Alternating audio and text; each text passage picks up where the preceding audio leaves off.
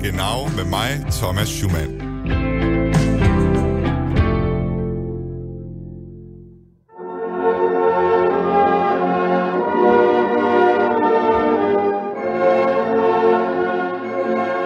Alle standen auf, die Hymnen wurden gespielt, alle klatschten und verneigten sich. Das war mein Abschied von der DDR, etwas bitter und nah den Det her er Hans Modrup. Han er Østtysklands sidste kommunistiske ministerpræsident, og i klippet her, der fortæller han, hvordan han dagen før den tyske genforening fik udvist den ære og få spillet DDR's nationalmelodi for sig en sidste gang. For ham var det en bitter afsked med det kommunistiske Tyskland.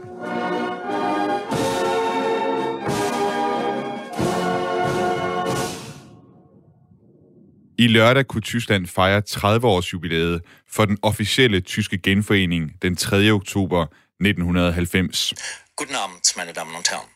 Die Deutschen leben wieder in einem souveränen, freien und geeinten Land. 45 Jahre nach dem Zweiten Weltkrieg endete in der vergangenen Nacht die deutsche Teilung. Det er måske en dato, vi her i Danmark har det med at glemme, for billederne fra den 9. november 1989, da muren faldt, og euforiske østtyskere strømmede ind i Vestberlin, de står bare stærkere. Men der gik altså små 11 måneder, før de to Tyskland officielt blev til et. 11 måneder, hvor det kommunistiske DDR skulle afvikles. Du lytter til Genau med mig, Thomas Schumann, og i dagens udsendelse skal du møde tre østtyskere, som spillede en central rolle i de 11 måneder, det tog at opløse Østtyskland og skabe det Tyskland, vi kender i dag. Og vi vender tilbage til Hans Modro, Østtysklands sidste kommunistiske ministerpræsident, senere i udsendelsen. Men jeg vil gerne starte et andet sted. Jeg vil gerne starte med et af de mennesker, som var med til at vælte DDR-systemet.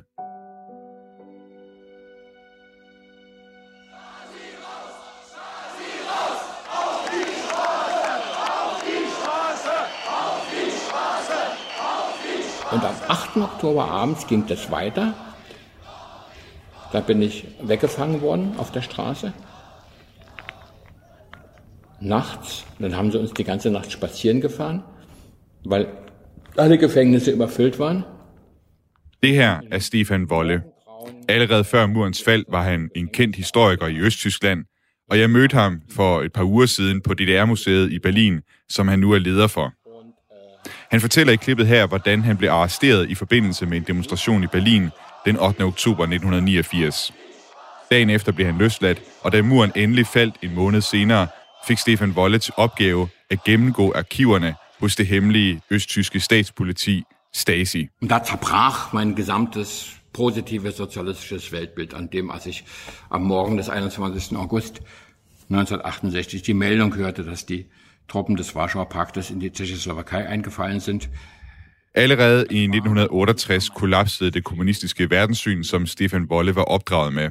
Det var altså dengang, Varsava-pakten rullede ind i Tjekkoslovakiet med tanks for at sætte en stopper for reformer, der skulle liberalisere det kommunistiske styre. Da muren faldt, var Stefan Wolle allerede aktiv i et af de regimekritiske borgergrupper.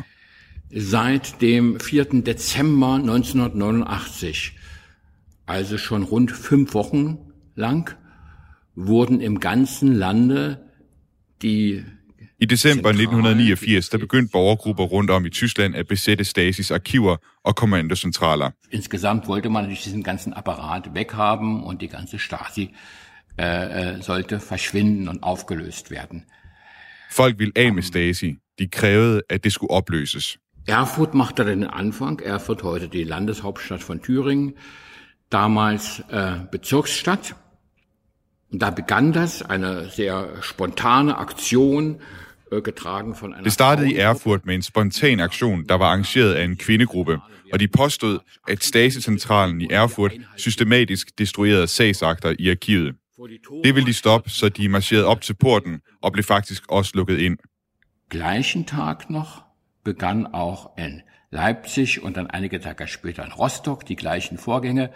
Und Berlin Samme dag blev Stasi-centraler i Rostock og i Leipzig og i andre byer også besat. Die Leute vermuteten zu Recht, dass in diesen Akten des Staatssicherheitsdienstes sehr viel Material ist über die, auch über ihr persönliches Schicksal. Folk formodede helt rigtigt, at der i Stasis arkiver var masser af personlig information om dem og deres historie, og naturligvis også om situationen rundt om i landet, om oppositionen, erhvervslivet osv. Und sie befürchteten, dass dieses sozusagen alles vernichtet wird, weil sie sich erhofften, gewissermaßen über die Akten und über die Geschichtsaufarbeitung og de frygtede, at Stasi ville destruere sagsakterne for på den måde at kunne skrive deres egen historiske biografi for eftertiden. 1989 war eine sehr geschichtsbewusste Revolution. Das sind Revolutionen manchmal auch schon vorher gewesen, aber das war in ganz besonderem Maße hier bei uns in der DDR eine sehr, sehr geschichtsbewusste äh, Revolution. Die Revolutionen i 1989 var meget historiebevidst. Der skulle skabes en ny offentlig fortælling om, hvordan tingene var, og der var mange i regimet, som forsøgte at sætte deres aftryk på, hvad der ville blive skrevet om dem i historiebøgerne. Und die Staatssicherheit hat auf höchsten Befehl begonnen, äh, systematisch und in großem Umfang Akten zu vernichten, um die Spuren ihrer Tätigkeit äh, auszulöschen. Og Stasi havde fået befaling fra højeste sted om systematisk at destruere sagsmapper, for dermed at slette sporene fra Stasis aktiviteter.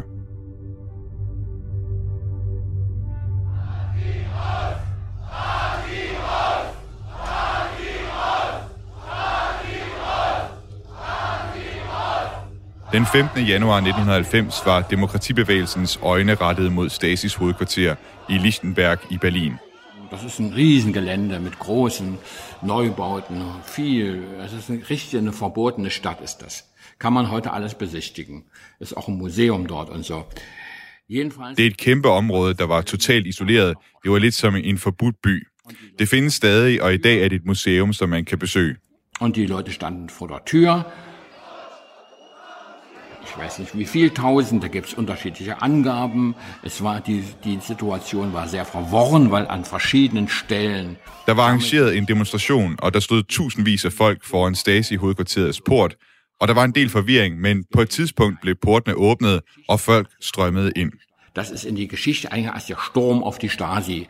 Es hört sich etwas zu dramatisch an. Es war kein Sturm, die Leute waren überwiegend friedlich. Det er gået over i historien som stormen på Stasi. Det lyder nu en smule dramatisk. Der blev godt nok smidt nogle møbler ud af vinduerne, men ellers var det ganske fredeligt. Am nächsten Tag sammelte sich dort dieser runde Tisch Sicherheit, da in dem Stasi-Gelände. Inzwischen waren ja die, die, die Karten anders gemischt.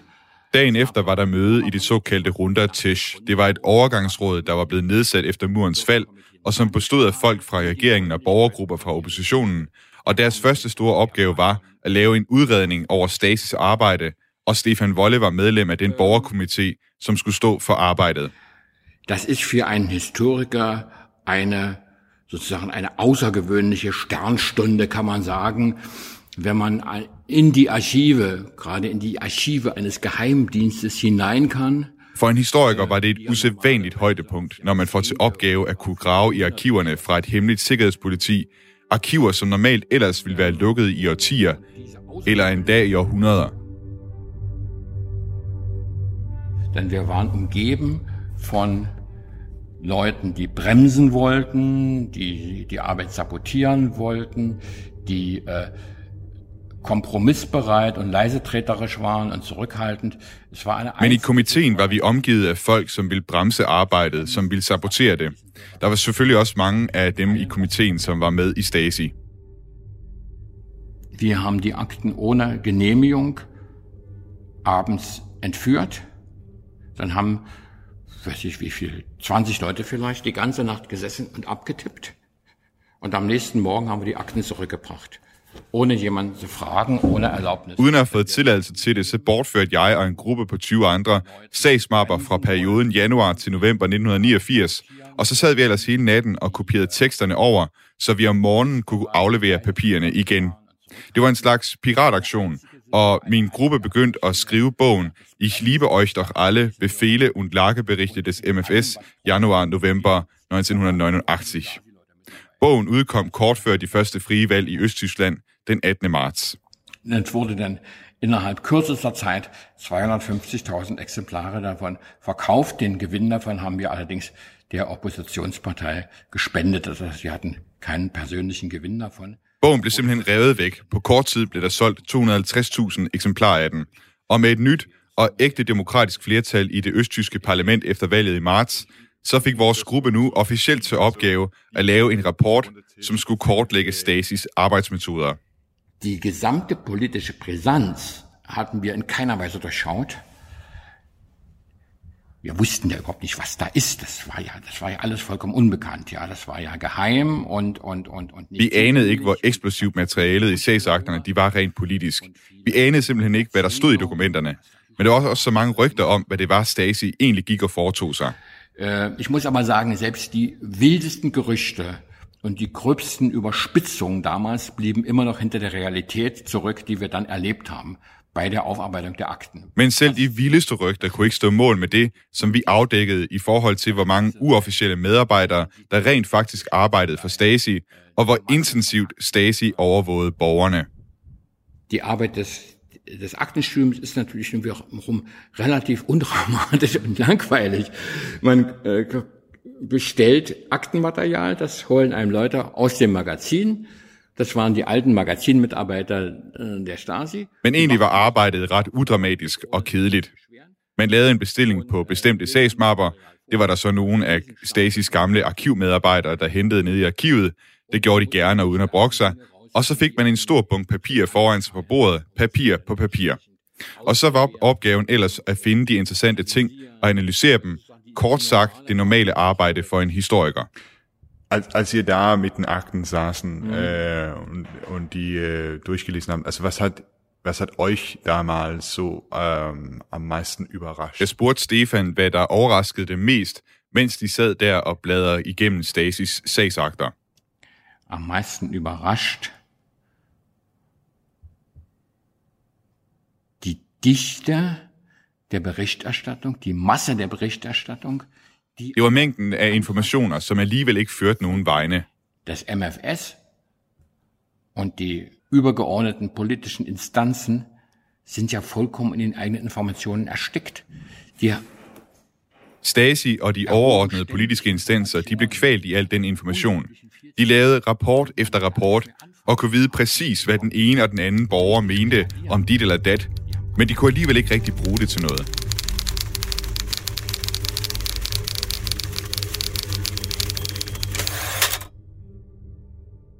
Dann kam es auch ziemlich schnell zum Konflikt äh, und ähm, Gauck hat mich rausgeschmissen und Armin Mütter auch. Und wir sind, hatten aber ein bisschen Glück und sind dann zur Humboldt-Universität gegangen. Was der opstod ret hurtigt en konflikt mellem os, der arbejdede med sagsmapperne, og Joachim Gauck, der senere er blevet Tysklands forbundspræsident, men som på det tidspunkt ledede det her arbejde. Og det endte altså med, at jeg og nogle andre fra gruppen, vi blev fyret. Die hatte den Auftrag, ähm, zu überprüfen, ob de Maizière ein inoffizieller Mitarbeiter des Staatssicherheitsdienstes gewesen war. Grunden til, at jeg blev fyret, var, at vi havde fået til opgave at undersøge, om CDU-politikeren Lothar de Maizière havde været uofficiel Stasi-medarbejder. Lothar de Maizière, han var ikke hvem som helst. Han var efter det første frivalg i marts 1990 blevet valgt som DDR's ministerpræsident. Und die überprüften das auch und kamen zum Resultat, ja, er war es. Er hat unter dem Decknamen Czerny ähm, für, die, für das MFS gespitzelt. Und ähm, dieser Bericht ist so an die an den Vorstand der CDU gegangen. Vi sendte en rapport til CDU, der dokumenterede, at Lothar de Maizière havde været uofficiel medarbejder under dæknavnet Tjerni. Men CDU redigerede rapporten så meget, at det endte med at se ud som en slags frikendelse. Det fortalte vi så til medierne, og derfor indkaldte Gaugers til hans kontor, hvor vi altså blev fyret. Jeg kan godt forstå, at han blev nødt til at gøre det, og vi er også senere blevet gode venner igen. Der var ich sehr aufgeregt, aber auch irrsinnig glücklich, dass sowas überhaupt möglich ist und vor allen Dingen irrsinnig gespannt, weil das wirklich eine einmalige Chance war für den, für den Historiker, wirklich mal Geschichte live zu erleben. Da jeg oprindeligt fik opgaven med at afdække Stasis metoder, så var jeg meget ophidset, men samtidig lykkelig over, at jeg fik muligheden, og jeg var spændt, for det var en enestående mulighed for en historiker at opleve historien udføre sig direkte, i stedet for at læse om det i bøger og dokumenter. Det var storslået at kunne mærke historiens vingesus. Äh, Stefan Wolle, vielen Dank, dass äh, Sie Zeit hatten, mit mir zu reden. Das war ein bisschen mehr als ein Stündchen, glaube ich. Ja, aber vielen Dank, dass, äh, dass Sie äh, mit mir reden wollten.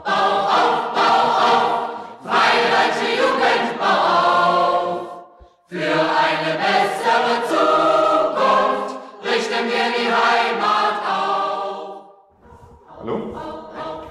Thomas Schumann. Ich komme vom dänischen Radiosender Radio 4 und ich habe... Genau. Das ist es. En anden person, som virkelig kan sige sig at have oplevet historiens vingesus, er Hans Modrup, som vi hørte fra i starten af udsendelsen. Som sagt var han Kommunistpartiets sidste ministerpræsident i DDR, og den dag i dag er han faktisk stadig politisk aktiv, nærmest for samme parti, i hvert fald i udløberpartiet fra det østtyske kommunistparti Die Linke, hvor han sidder med i partiets ældste råd. Og jeg møder ham faktisk på hans kontor hos Die Linkes hovedkvarter på Rosa Luxemburg Platz i Berlin. Ich kam im Januar 1949 aus der sowjetischen Kriegsgefangenschaft zurück. Da war ich gerade 21 Jahre. Hans Modrup er født i 1928 og deltog som 17-årig i Volkssturm, altså Nazi-Tysklands sidste desperate forsvar mod de allierede, hvor unge og gamle blev kaldt ind som soldater. Hans Modrup blev taget til fange af de sovjetiske tropper og sendt på antifascistisk opdragelsesskole i Moskva, indtil han som 21-årig kom tilbage til det udbombede Østtyskland i januar 1949. Her blev han medlem af det kommunistiske ungdomsorganisation Freie Deutsche Jugend, der også forkortes med FDJ. Freie Deutsche Jugend auf. Für eine bessere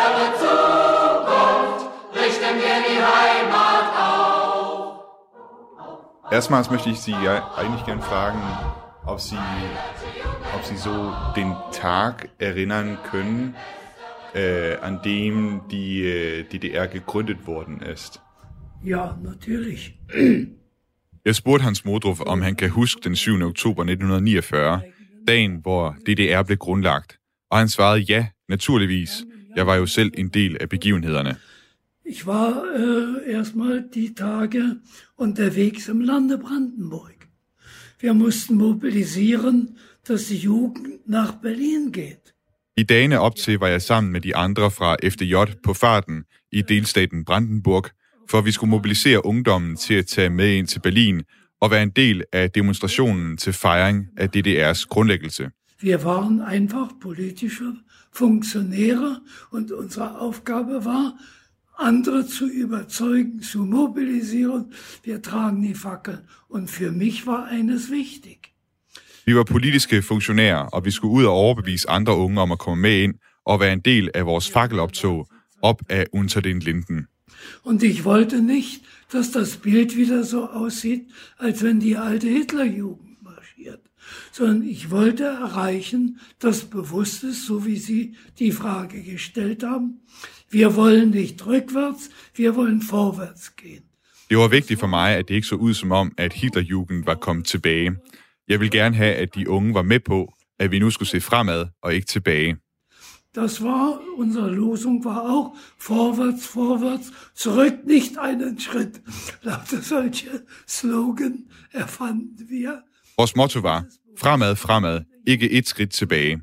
Og vi forsøgte at udbrede den bevidsthed blandt de unge med sådan et slogan. Og det var lykkedes os at organisere omkring 30 procent af de unge i den sovjetiske besættelseszone. Die Gründung der deutschen, friedliebenden, demokratischen Republik ist ein Wendepunkt in der Geschichte Europas. Der Weg in eine neue deutsche Zukunft mit ungeahnten Perspektiven lag vor uns. Die Menschen waren zu neuen, größeren Taten bereit.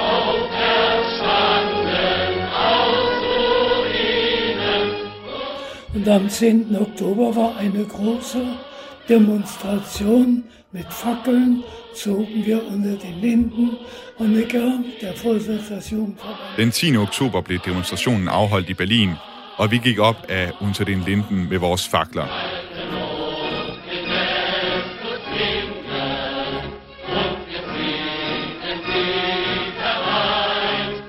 Ich war der Fahnenträger der Landesfahne der FDJ des Landes Brandenburg und trug die mit der absoluten Überzeugung, wir schaffen ein neues Deutschland.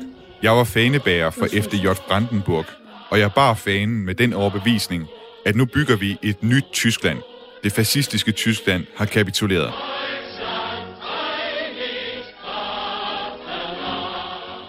Und ich sah mich in diesem Zusammenhang als den Teil der deutschen Jugend, die den Weg zur antifaschistisch-demokratischen Ordnung mitgeht. Jeg så mig selv som medlem af den del af den tyske ungdom, som banede vejen for et antifascistisk og demokratisk samfund, og nu vil jeg være med til at skabe det nye Tyskland. Die Partei, die Partei, die hat immer recht und Genossen, es bleiben dabei. Denn wer kämpft für das Recht, der hat immer Recht gegen Lüge und Ausbeuterei. Hans Modrup gjorde lynkarriere i østtysk politik, og fra 1958 og frem til genforeningen var han medlem af Volkskammer, det er altså det østtyske parlament. Han var også med i centralkomiteen hos Socialistische Einheitspartei, altså det kommunistiske parti, der sad på magten i Østtyskland, og så var han i mange år første sekretær i Dresden. Und so wurde ich dann mit dem Karl, Karl-Marx-Orden ausgezeichnet. Und ich stehe heute auch dazu, dass es ein Orden der Anerkennung des Staates war, dem ich gedient habe. Jeg fik tildelt Karl Marx-ordenen i 1978, den højeste orden i DDR, og jeg ser det den dag i dag stadig som en anerkendelse af den tjeneste, jeg ydede for DDR.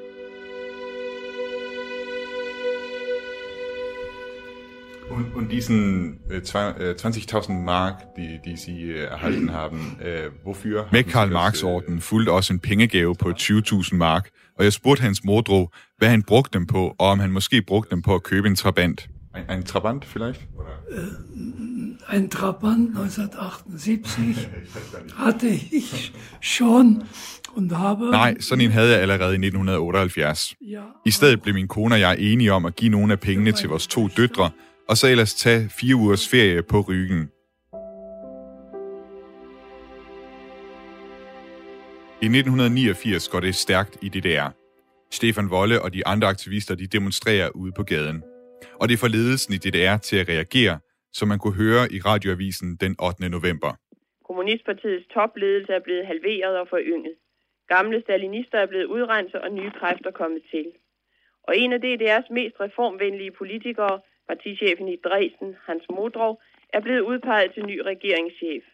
Danmarks Radios journalist Conny Petersen omtaler den nyudnævnte regeringschef Hans Modroff som en af de mest reformvenlige politikere i DDR.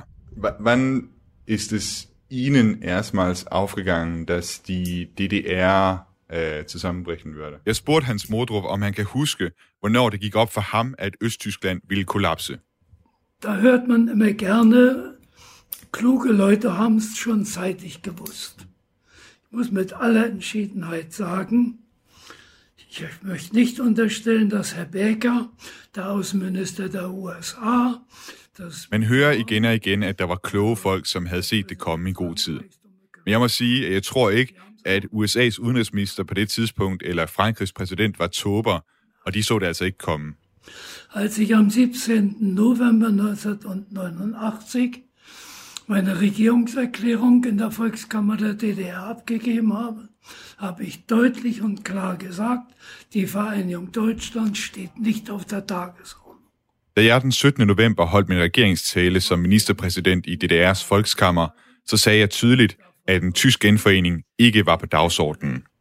Das war für mich eine klare Ansage, weil ich davon ausging, die geteilte Welt hat in sich ein geteiltes Deutschland.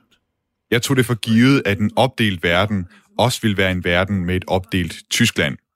Og i 80'erne stod NATO og Varsava-pakten meget stejlt over for hinanden, med atommissiler klar til at blive affyret. Så jeg gik ikke ud fra, at man bare sådan kunne tilsidesætte den militære spænding og så begynde at tale om tysk genforening. Es flüstert von allen Kontinenten. Mobilmachung gegen die Sowjetunion.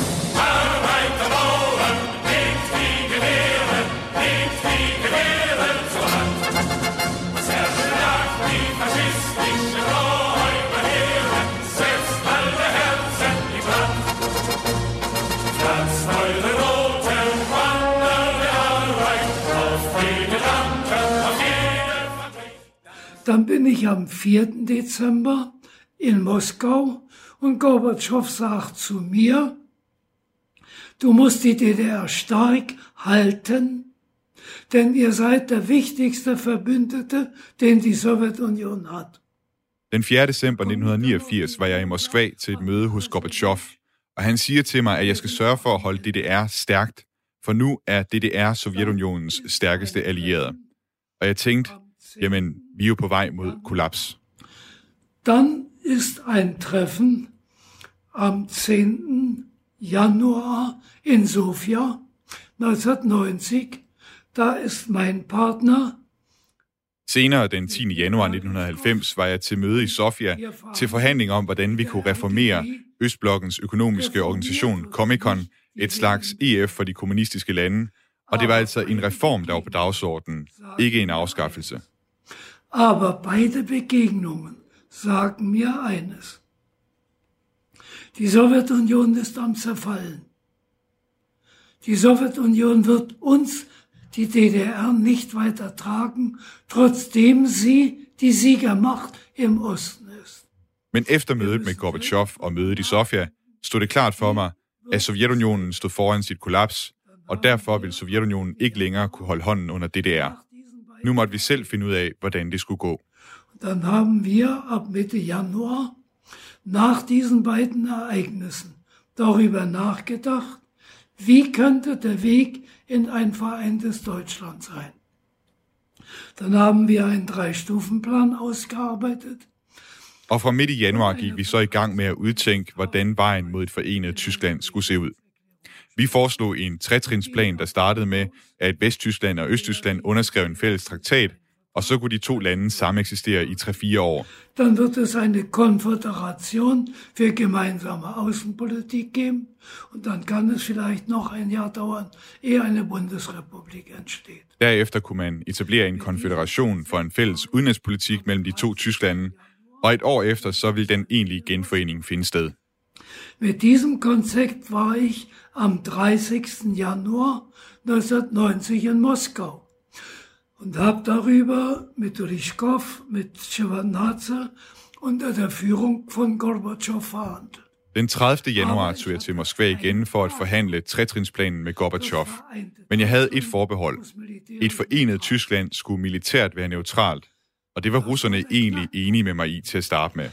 Dann kommt eine Reaktion, die man ja heute in Geschichtsbüchern nicht findet, auch in Dänemark wohl nicht gelehrt wird.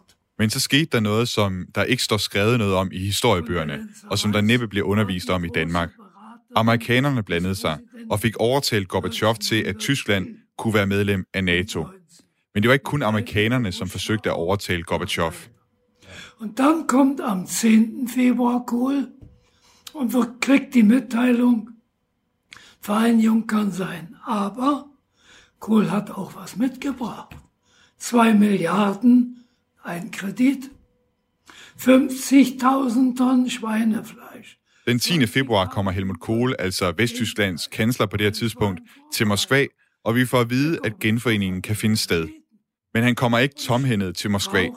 Med sig der har han en kredit på 2 milliarder mark til Sovjetunionen, og 50.000 tons svinekød og 20.000 tons oksekød. Husk på, Gorbachevs supermarkeder var tomme på det her tidspunkt, og han havde brug for at skabe stabilitet i Rusland. Jeg har desværre ikke selv haft tid til at faktatjekke, om Hans Mordrufs historie er sand, men hvorom alting er, så ved vi alle sammen, at det endte med, at Tyskland officielt skulle genforenes den 3. oktober 1990. Also, es muss so ein bisschen, ich stelle mir auch vor, diesen, diesen letzten Tagen, die es da gab von der DDR, können Sie Ihren letzten Tag als Vorsitzende... Jeg spurgte Hans Mordruff, om han kunne huske, hvad der skete på hans sidste arbejdsdag i DDR's Volkskammer. Der ist, muss ich mit aller Eindeutig sagen, äh, für mich nicht in einem solchen Maße in Erinnerung, Det er ikke en dag, jeg kan huske, for jeg var travlt optaget af at overdrage arbejdet med den tyske genforening til Lothar de Maizière, som havde vundet Østtysklands første frie valg i marts 1990. Nej, der er et andet tidspunkt, som står meget tydeligere i min erindring. Und ich flog in den letzten Septembertagen nach Japan und war ein Gast des præsidenten Japans Kaifu. I de sidste septemberdage i 1990 rejste jeg til Japan, hvor jeg var gæst hos Japans daværende præsident Kaifu. Jeg var formand for Volkskammers venskabsgruppe med Japan, og i 1972 havde oprettet DDR's diplomatiske forhold til Japan, og den japanske kejser havde endda i 1987 givet mig en æresorden for mit engagement i venskabet mellem DDR og Japan. Und der Sokosuku, der im Auftrag von Kaifu mein Ehrenbegleiter war, gab am 2. Oktober abends ein Abendessen in einem Lokal, etwa 60 Gäste. Præsident Kaifu havde givet mig en æresledsager, som hed Sukusuku, og den 2. oktober, dagen før den officielle tyske genforening, havde han inviteret mig til middag med omkring 60 gæster. Und auf dem Tisch standen beide Fahnen, die der DDR und Japans. Und er wandte sich an alle Gäste und bat um Verständnis. Sein Gast sei Herr Modrow, der Ministerpräsident der DDR war. Und er möchte jetzt die Hymnen beider Länder noch einmal hier spielen lassen. På middagsbordet stod der både det japanske flag og DDR's flag, og Sukusuku henvendte sig til gæsterne og bad om forståelse. Hans gæst var herr Modrov, DDR's ministerpræsident, og Sukusuku kunne godt tænke sig en sidste gang at spille DDR's nationalmelodi.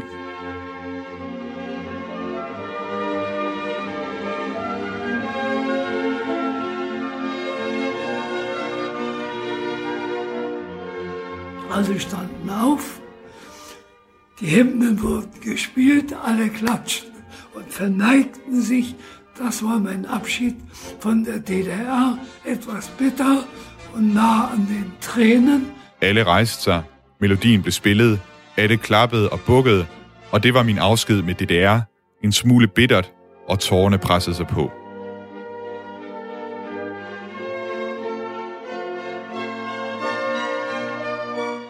Das heißt, also zu diesem Mittagsessen da Anfang Oktober in Japan, das war das letzte Mal, dass Auferstanden aus Ruinen für sie gespielt wurde. Jeg siger til Hans Modrup, det var altså sidste gang, at man spillede Auferstanden aus Ruinen for dig. Ganz genau, es war das letzte Mal, wo ich erlebt habe, dass in einem offiziellen Akt die Staatshymne der DDR gespielt ist. Ja, siger Hans Modrup, det var sidste gang, jeg oplevede, at man i en officiel sammenhæng spillede DDR's statshymne.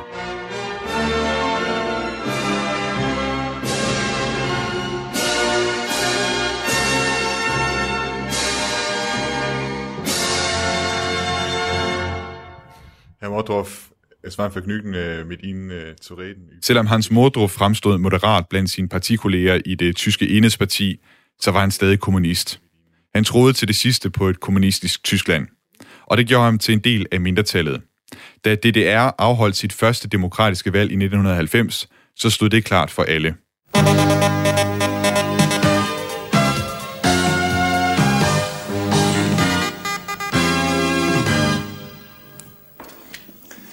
Die Bürger der DDR haben gewählt. Gewinner der ersten freien und geheimen Wahlen seit über 40 Jahren ist die Allianz für Deutschland mit der CDU an der Spitze. Ein Wahlsieg, der überaus deutlich ausfiel. Sejren til Alliancen for Tyskland under ledelse af det konservative CDU var klar, som man kunne høre i nyhedsudsendelsen på Østtysk Statstv samme aften. Kommunisterne, nu reorganiseret i PDS med Hans Modrup som æresformand, fik kun 16 procent. Blandt de flere hundrede ikke-kommunistiske østtyskere, der blev valgt til DDR's folkskammer, var også en 50-årig præst ved navn Joachim Gauck. Valget fandt sted den 18. marts 1990, og præcis 22 år senere, den 18. marts 2012, blev selvsamme Gauck som den første østtysker valgt til præsident for et forenet Tyskland. Büro Gauck, Scholz, guten Tag. Ja, hallo, hier ist äh, Thomas Schumann vom dänischen Radiosender Radio 4. Kleinen Moment, Herr Schumann, ich verbinde Sie. Sehr gut.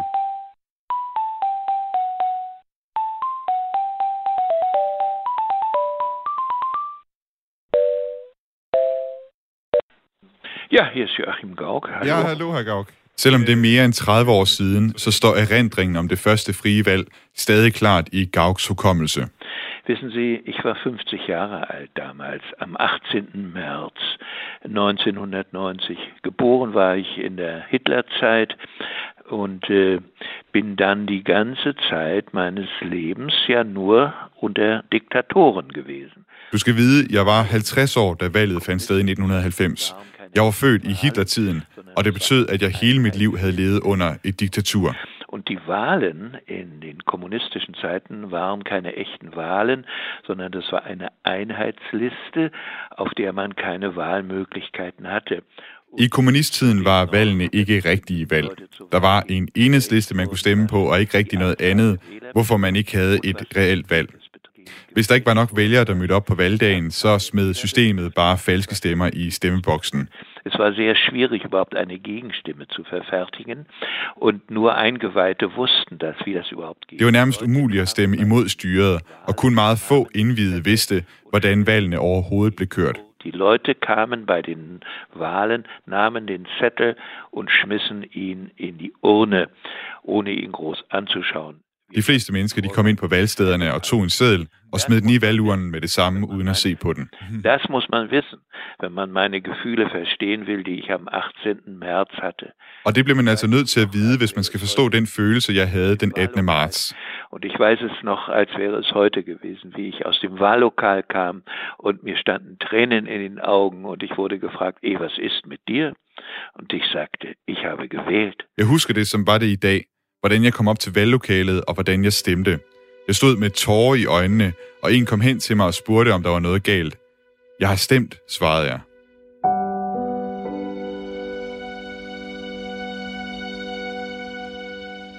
Das war nicht nur der Verstand, der, der sich freut und sagt, jawohl, wir haben es geschafft, die friedliche Revolution ist eingemündet in eine Demokratie, sondern es waren auch Gefühle, starke Gefühle. Det var ikke kun med min forstand, at jeg glædede mig over, at ja, nu havde den fredelige revolution udmyndtet sig i demokrati. Nej, det var også en følelse.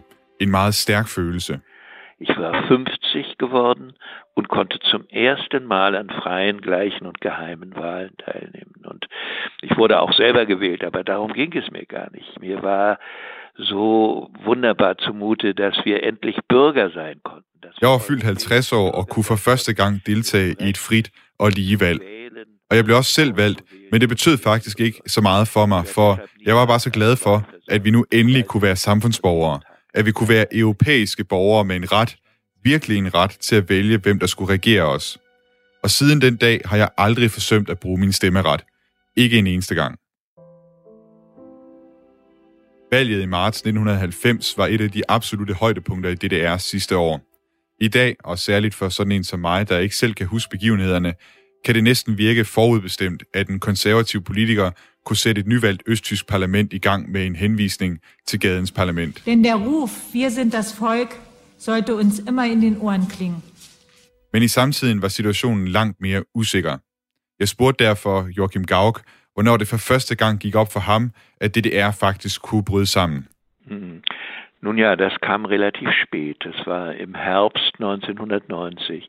Aus den ersten zaghaften Protestbekundungen, äh, speziell in Berlin und Leipzig und Dresden entwickelt. Det var relativt sent, og det var først i efteråret 1989, da demonstrationerne begyndte i Berlin, Dresden og Leipzig, og særligt da de udviklede sig til massedemonstrationer i Leipzig den 9. oktober.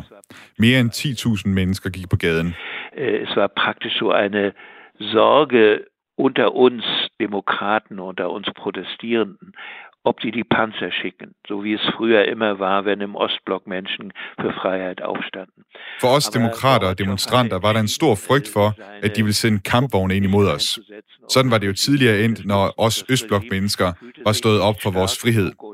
Men Gorbachev havde besluttet ikke at sætte sine tropper ind for at understøtte regimet, og regimet selv følte sig ikke stærkt nok, eller var ikke enige nok til at sætte østtyske soldater og det hemmelige politi ind mod os demonstranter.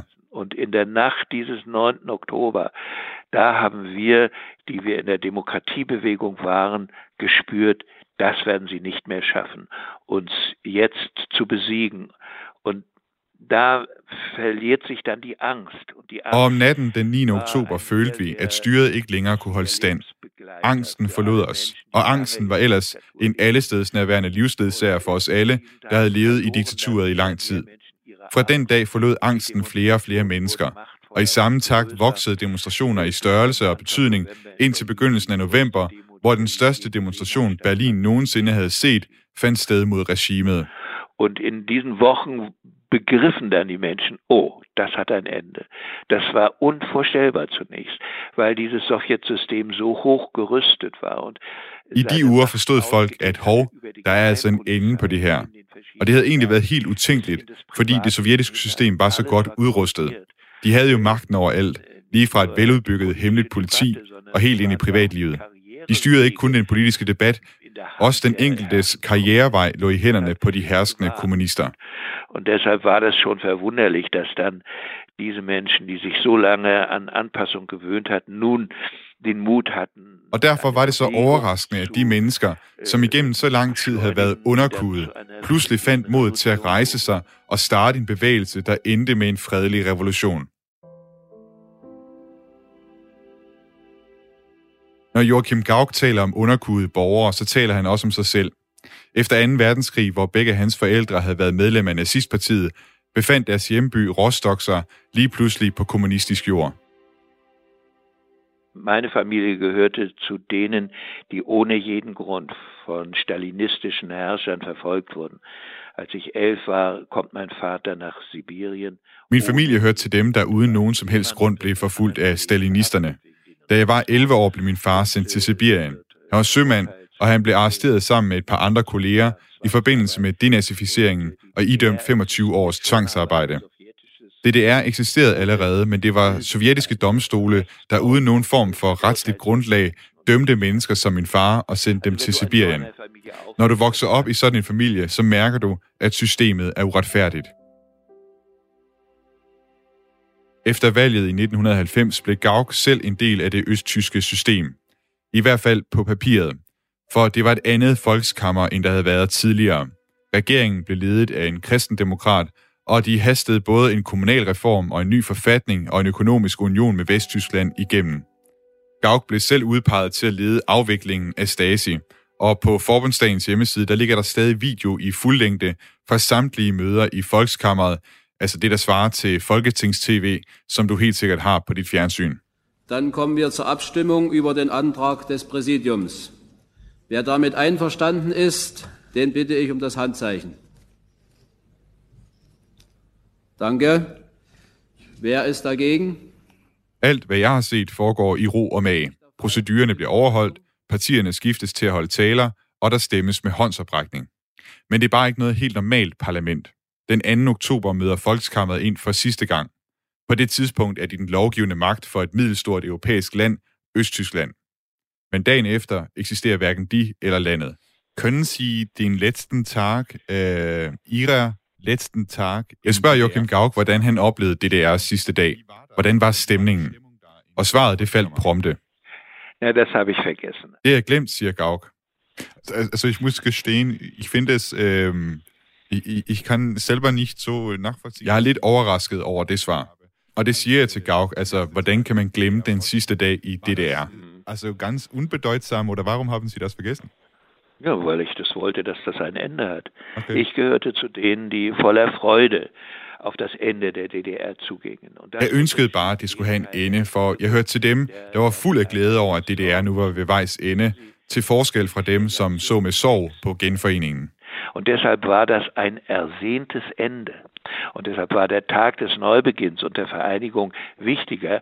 Derfor var det en forløsende slutning, og derfor var dagen, hvor vi startede forfra, vores genforening, vigtigere end farvelstemningen dagen inden. Wir, die wir für die Einheit waren im, in der Volkskammer, waren euphorisiert. Wir vi, der var tilhængere af genforeningen i Volkskammer, var euforiske.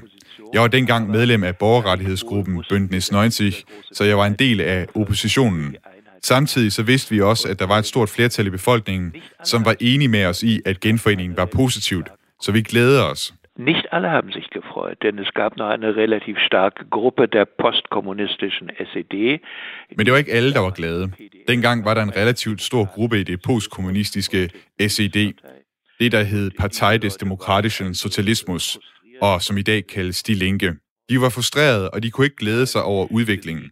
For dem var der noget, der gik under, noget som de havde troet på. Und äh, sie waren immer noch damit beschäftigt, äh, zu begreifen, warum die Mehrheit Og de beskæftigede sig udelukkende med at forstå, hvorfor flertallet i den østtyske befolkning efter alle disse årtier ikke støttede stærkere op om et selvstændigt DDR. Wissen Sie, in vier Jahrzehnten wächst eine Funktionselite. Das sind nicht alles überzeugte Kommunisten. Du må forstå, igennem fire årtier voksede en funktionær elite frem i DDR. De var ikke alle overbeviste kommunister, men det var mennesker, der i den offentlige forvaltning, i militæret, i politiet, i Stasi og i partiapparatet havde en funktion, der gjorde dem til et slags borgerskab, som i et traditionelt samfund. Und für solche Menschen begann jetzt eine Phase der Unsicherheit, auch der Angst. Og for de mennesker begyndte nu en fase, der var præget af usikkerhed, og også af angst. Det var pludselig dem, som havde plantet angsten i flertallet, der selv havde angst. Da Joachim Gauck blev valgt til præsident for et forenet Tyskland i 2012, mødte han stor modstand fra De Linke, altså partiet, der som Gauck selv siger, er en fortsættelse af det østtyske kommunistparti. Partiet står stærkt i hele Østtyskland, og jeg spørger ham derfor også, hvordan han har det med dem. Also für Menschen wie mich ist diese Partei verzichtbar. Insbesondere deshalb, weil ein Teil dieser Partei sich nicht kritisch genug auseinandergesetzt hat mit Diktatur. For mennesker som mig er partiet overflødigt, især fordi en del af partiet aldrig har forholdt sig kritisk nok til diktatur. Es ist wirklich eklatant zu erkennen, wie sehr nostalgisches Denken oder auch Bündnisse mit Personen wie Putin oder anderen Unterdrückern. äh, Det er særligt i øjenfaldene at se deres nostalgiske tankegang og også deres forbindelser til personer som Putin eller det venezolanske diktatur, der minder om dem selv, da de bestemte. Nun wird ja darüber gesprochen, dass die Linke vielleicht Teil einer Koalition mit SPD und die Grünen zum Beispiel Teil werden kann. Til næste år er der forbundsdagsvalg i Tyskland, og flere har i den forbindelse spekuleret i en regeringskoalition mellem Socialdemokraterne, de grønne og de linke. En såkaldt rot-rot-grøn koalition. Jeg spørger derfor Gauck, om han kan se en situation, hvor de linke skal hjælpe til med at regere et forenet Tyskland. Salopp würde ich sagen, das können Sie vergessen. Also diese Partei ist äh, im Moment äh, nicht geeignet in einer Koalition mit staatstragenden Parteien. Det kan de godt glemme alt om. Altså lige nu er det her parti ikke egnet til at indgå i en koalition med statsbærende partier, som vi traditionelt kender dem. Og det hænger blandt andet sammen med, at der for eksempel er væsentlige forskelle i udenrigspolitikken. Et parti, der ikke støtter op om NATO, vil ikke kunne finde sammen med Socialdemokraterne eller de grønne. Der skal være en meget stor reformvillighed i de linke, og den ser jeg ikke på nuværende tidspunkt.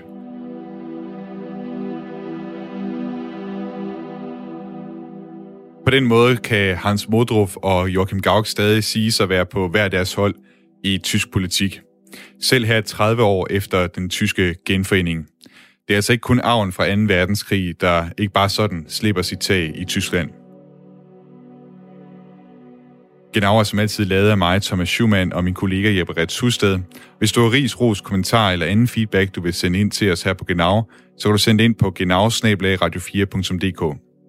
Indtil vi høres ved igen, så vil jeg bare ønske dig en god uge. Bestand.